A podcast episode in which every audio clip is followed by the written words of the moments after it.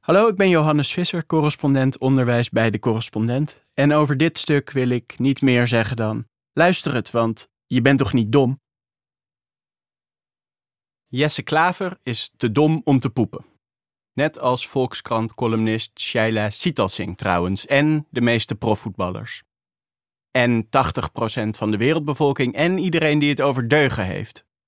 Verder te dom om te poepen. Frans Timmermans, Thierry Baudet, Petra van Facebook, Wopke Hoekstra, Japi, onze cultuursector, WNL Vandaag, Nilufer Gundogan, Links, GroenLinks-Kamerlid Laura Bromet, Ed Marianne G. 1969, Joost Eertmans, FVD'ers, mensen met kritiek op FVD'ers en de gemiddelde Nederlander. Tot zover een bloemlezing van de resultaten van de eerste twee weken van maart, als je op Twitter de zoekterm te dom om te poepen invoert. In die twee weken werden in totaal 110 mensen, groepen of dingen te dom bevonden. Om te poepen dus. Mensen zijn voortdurend op zoek naar taal om mee te oordelen, schrijft filosoof Michael Sandel in zijn vorig jaar verschenen boek De Tirannie van Verdiensten. En die taal gaat uit van tegenstellingen. Rechtvaardig tegenover onrechtvaardig, moedig tegenover laf, goed tegenover fout. De afgelopen decennia is slim of intelligent tegenover dom de tegenstelling geworden die het publiek debat is gaan overheersen, schrijft Sandel. Exemplarisch was de invoering van niet zomaar een lockdown in Nederland, maar een intelligente lockdown. Het beleid was niet in de eerste plaats noodzakelijk of rechtvaardig, maar intelligent. Burgers werd niet gevraagd moedig te zijn of om het juiste te doen, maar om intelligent te zijn en het intelligente te doen.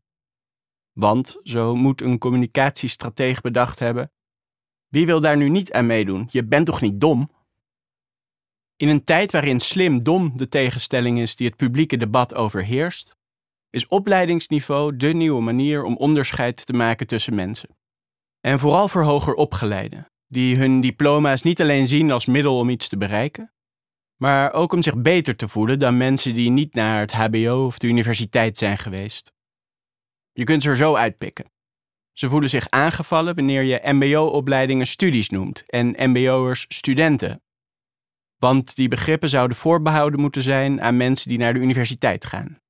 En na een paar biertjes noemen ze MBO-studies een cursus. Hoe heeft slim, dom en lager en hoger opgeleid de tegenstelling kunnen worden om mensen in hokjes te plaatsen? En hoe komen we daar weer vanaf? Hoger opgeleide, de elite, past bescheidenheid, schrijft Sandel en papegaaide ik hem na in een eerder stuk. Maar hoe word je dat? Bescheiden. Juist om de wereld niet op te delen in dom en slim is het belangrijk te erkennen dat mensen ongelijk geboren worden. Sommigen hebben nu eenmaal meer aanleg om intelligent te worden. Niet alleen omdat ze meer privileges hebben dan anderen, en meer kansen krijgen, maar ook omdat ze toevallig de genen hebben die in deze maatschappij gunstig zijn voor het ontwikkelen van een hoge intelligentie. De Nederlandse psycholoog Adrianus Dingeman de Groot, die leefde van 1914 tot 2006, wist dat al. De Groot was niet alleen een slimme man, maar ook een provocateur, die het Nederlandse onderwijs maar achterlijk en ingeslapen vond. Zijn bestseller Vijven en Zessen uit 1966 opent met de zin het Nederlandse onderwijssysteem heeft vele kwaliteiten en vele fouten. Dit boek gaat voornamelijk over de fouten. Er zijn maar weinig wetenschappers die zoveel invloed hebben gehad op het Nederlandse onderwijs als deze A.D. de Groot. In 1958 ging hij op studiereis naar de Verenigde Staten. En wat hij daar leert zal zijn ideeën over onderwijs vormen en leiden tot een project van de grote orde van de Delta werken, dat het Nederlandse onderwijs ingrijpend zal veranderen. Daar, in de Verenigde Staten, was 25 jaar eerder een andere slimme man, James Bryant Conant, president geworden van de prestigieuze Amerikaanse universiteit Harvard. Anders dan de twee zeer welgestelde mannen die Harvard voor hem geleid hadden, kwam Conant uit een middenklasse gezin uit Dorchester, Massachusetts. Vader was fotografeur, moeder huisvrouw. Conant maakte zich zorgen. Zorgen over de groeiende groep erfelijke elite mannen met zeven vinkjes, zowel aan zijn universiteit als in de Amerikaanse samenleving. Die achterloze jonge mannen met bedienden waren in zijn ogen vooral bezig met feesten en sport in plaats van studeren. Conant was ervan overtuigd dat het bestuur van de VS niet in handen zou moeten zijn van uitsluitend zevenvinkers. Het land zou bestuurd moeten worden door intelligente, goed opgeleide en sociaal geëngageerde mensen uit alle delen van de samenleving en met uiteenlopende achtergronden. James Bryant Conant was, kortom, een meritocraat. Hij geloofde in een samenleving waarin niet je afkomst je toekomst zou bepalen, maar je talent en harde werken. Het onderwijs was in zijn ogen de plek waar ongekend talent de kans zou moeten krijgen om zich te bewijzen. Conant voerde daarom studiebeurzen in voor meatballs, dat waren talentvolle jongeren uit lagere sociale klassen, wier ouders geen geld hadden om voor zo'n studie aan Harvard te betalen. Maar hoe bepaal je of iemand talent heeft en zo'n studiebeurs dus verdient? Conant had het geluk dat psychologen niet veel eerder hadden geclaimd een instrument te hebben ontwikkeld om zoiets te meten. Die psychologen waren erachter gekomen dat mensen die goed waren in de ene cognitieve vaardigheid, bijvoorbeeld logica, vaak ook goed waren in andere cognitieve vaardigheden, bijvoorbeeld geheugen en patroonherkenning. Die overlap in prestaties noemden ze general intelligence of de G-factor of kortweg G, of intelligentie. De psychologen stelden bovendien dat die G aangeboren was en niet aangeleerd, en dat die gemeten kon worden met een IQ-test. Een van hen kwam zelfs met een formule waar een score uit kwam rollen. IQ is de gemeten mentale leeftijd gedeeld door de werkelijke leeftijd keer 100. Het bleef niet bij een theoretische exercitie. Toen de Verenigde Staten op 6 april 1917 de oorlog verklaarden aan de Duitsers, maakten tienduizenden Amerikaanse recruten per dag, 1,7 miljoen Amerikanen in totaal, een test die bepaalde wie geschikt was om als officier te dienen in het leger en wie te dom was om ooit een geweer in handen te geven. En wat in het leger kan, kan ook in het onderwijs. Psychologen ontwikkelden de Scholastic Aptitude Test, de SAT, die zou kunnen voorspellen of een kind succes zou hebben op school en in het latere leven. James Bryant Conant koos die SAT als middel om te bepalen welke meatballs een studiebeurs verdienden. Tien jaar lang voerde hij campagne om zulke tests een belangrijkere rol in het onderwijs te geven, tot hij in 1946 slaagde. Toen werd in de Verenigde Staten de Educational Testing Service opgericht. Een instituut dat zich op landelijk niveau bezig ging houden met het meten van onderwijskwaliteit en leerprestaties. En dat tot op de dag van vandaag bepaalt wie naar welke Amerikaanse universiteit mag. IQ-tests, de test voor het leger en de SAT waren de instrumenten van een bloedeloze revolutie, schrijft historicus Adrian Wooldridge in zijn recent verschenen boek The Aristocracy of Talent. Die revolutie was de meritocratie, en IQ-tests en toetsen zoals de SAT die zich daarop baseerden, maakten het mogelijk een erfelijke elite te vervangen door een elite van de meest talentvolle. Dat is goed nieuws, zou je kunnen zeggen, want een wereld waarin je afkomst je toekomst bepaalt is niet eerlijk. Vandaag de dag delen mensen van allerlei afkomsten uit landen van over de hele wereld één simpel idee. Dat het rechtvaardig is om maatschappelijke posities te verdelen op basis van wat mensen kunnen, en dus op basis van opleiding en diploma's. Maar dat heeft ook een keerzijde. Intelligentie en schooldiploma's werden niet alleen een manier om aan werk te komen. Er groeiden ook generaties groot voor wie intelligentie een belangrijk onderdeel van hun identiteit werd, en diploma's werden een manier om gewaardeerd te worden en anderen te waarderen. Of, bouwder gesteld, opleidingsniveau werd een manier om te discrimineren. Opiniepeiling in het Verenigd Koninkrijk, Nederland en België laten zien dat hoger opgeleiden minder positief tegenover lager opgeleiden staan dan tegenover mensen van hun eigen opleidingsniveau. Ook waarderen ze mensen met minder diploma's lager dan allerlei andere groepen die vaak gediscrimineerd worden. Moslims, arme mensen, mensen van Turkse komaf, blinden en mensen met obesitas. En hoe sterker hoger opgeleiden zich identificeren met andere hoger opgeleiden, des te lager hun waardering voor mensen die niet dezelfde diploma's hebben. Hoe dat kan? Een belangrijke reden: lager opgeleiden worden meer verantwoordelijk gehouden voor hun eigen situatie dan bijvoorbeeld arme mensen. En dat is niet zo gek in een meritocratische wereld die mensen opdeelt op basis van wat ze kunnen. In zo'n wereld geloven hoger opgeleiden dat hun diploma's een rechtvaardige beloning zijn van wat ze in hun mars hebben, voor hun harde werk. Ze hebben hun succes verdiend en wie niet dezelfde diploma's of minder succes heeft, zal dat dus ook wel aan zichzelf te wijten hebben. Onderscheid op basis van diploma's vinden we dus aanvaardbaar. Zo aanvaardbaar zelfs dat we er nauwelijks oog voor hebben. Hoe kan het bijvoorbeeld, vragen de onderzoekers van die opiniepeilingen zich af, dat sociaal psychologen onderzoek doen naar discriminatie gebaseerd op ras, etniciteit, gender, seksuele voorkeur, leeftijd, religie, lichaam, studierichting, fysieke en psychische aandoeningen en nationaliteit, maar zelden op onderwijsniveau. Hun mogelijke verklaring? Wetenschappers die tot een groep behoren die discriminatie ervaart, kunnen hun academisch werk gebruiken om dat aan te kaarten. Maar lager opgeleiden zijn daarvan uitgesloten. Zij doen geen academisch onderzoek. De wet verbiedt discriminatie op allerlei gronden, maar niet op basis van opleiding.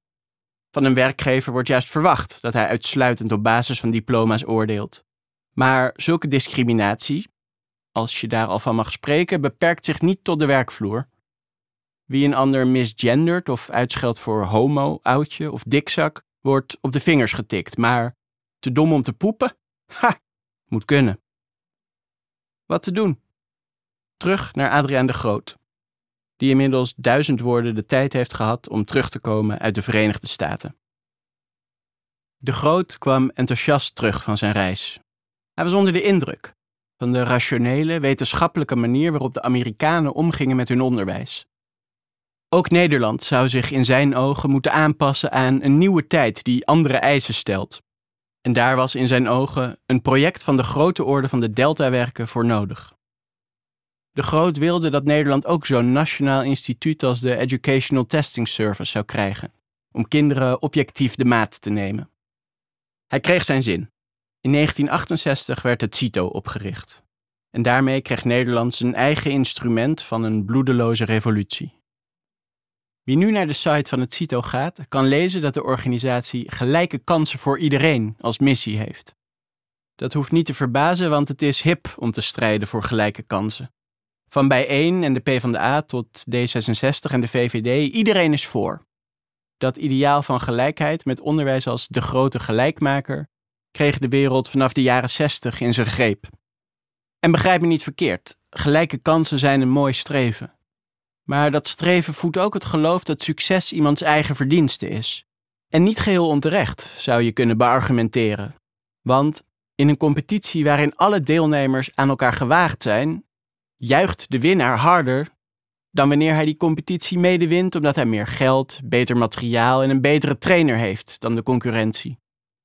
Wat is dan wel een basis om bescheiden te blijven als gelijke kansen het niet zijn? De Groot to the rescue. Want de Groot was, anders dan de site van het CITO doet vermoeden, helemaal niet bezig met sociale ongelijkheid. Met gelijke kansen had hij weinig op. Hij vond juist dat er veel te veel in termen van gelijkheid werd gedacht, terwijl mensen vooral ongelijk waren, en we dat onder ogen zouden moeten zien. Het was in zijn ogen logisch en volkomen rechtvaardig dat op de universiteit meer kinderen van hoger opgeleide ouders rondliepen, omdat hij zich ervan bewust was dat intelligentie ook een genetische component had. Het is een geluid dat je maar weinig hoort. Misschien komt het omdat er moeilijk beleid op te voeren is. Of omdat het beleid dat er in het verleden op gevoerd werd racistisch en mensonterend was.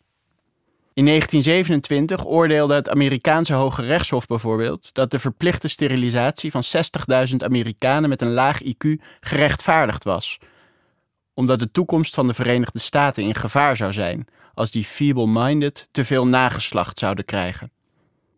Ook de nazi's maakten tussen 1933 en 1945 naar schatting zo'n 400.000 mensen gedwongen onvruchtbaar, omdat ze homoseksueel, joods, Roma of Sinti waren of een aandoening hadden waarvan de nazi's geloofden dat die erfelijk was.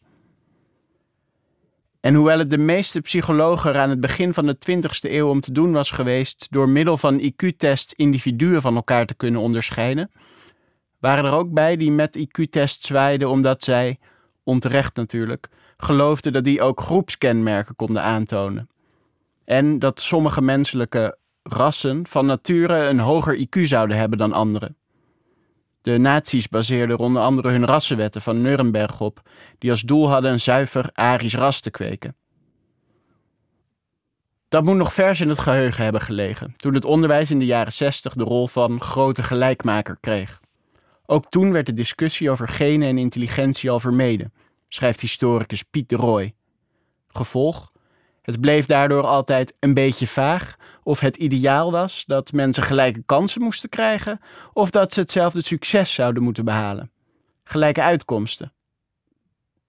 Kan dat minder vaag? Die G-factor, G-factor, waar psychologen honderd jaar geleden op wezen, lijkt inderdaad te bestaan, al blijft het onduidelijk wat die dan precies is. En in hoeverre die aangeboren is? Als wetenschappers daar afgelopen jaren iets over hebben geleerd, dan is het dat de relatie tussen genen en eigenschappen zoals intelligentie complexer is dan ze ooit konden vermoeden. Biologen hebben nauwelijks een idee van hoe genen zich vertalen naar eigenschappen. Ze weten dat genen een rol spelen bij de productie van eiwitten, dat die eiwitten meerdere functies hebben in het lichaam en dat sommige functies vaak bepaald worden door meerdere eiwitten, maar dat is het wel zo'n beetje. Hoe genen bijdragen aan intelligentie, dat blijft vooralsnog super vaag. Wat niet vaag is, Intelligentie is het gevolg van een samenspel tussen je omgeving, je cultuur en ook je genen. Genen spelen wel degelijk een rol bij schoolprestaties en dus om hoger opgeleid te raken. Ook bij gelijke kansen wordt iemands toekomst dus nog altijd mede bepaald door zijn of haar afkomst, door genen. Dat is een belangrijk besef. Ook als mensen gelijke kansen hebben, zijn intelligentie en succes deels erfelijk en dus geen eigen verdiensten.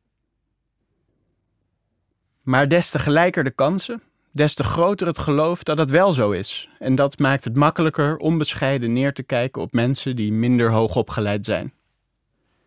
Erkennen dat niet iedereen kan worden wat hij wil, dat succes geen keuze is, omdat mensen nu eenmaal van elkaar verschillen, ook al weten we niet precies hoe dat zit, is het bescheiden alternatief.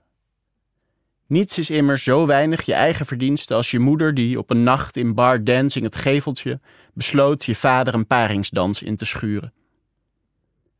Voor Jesse Klaver en Shaila Sitalsing, voor Wopke Hoekstra, iedereen die het over deugen heeft en Japi, voor Thierry Baudet en onze cultuursector, voor Petra van Facebook en de gemiddelde Nederlander is dat de grote boodschap. Bedankt voor het luisteren. Wil je mijn journalistiek of de journalistiek van de correspondent steunen? Word dan lid. Dat kan door te gaan naar decorrespondent.nl schuine streep wordt lid.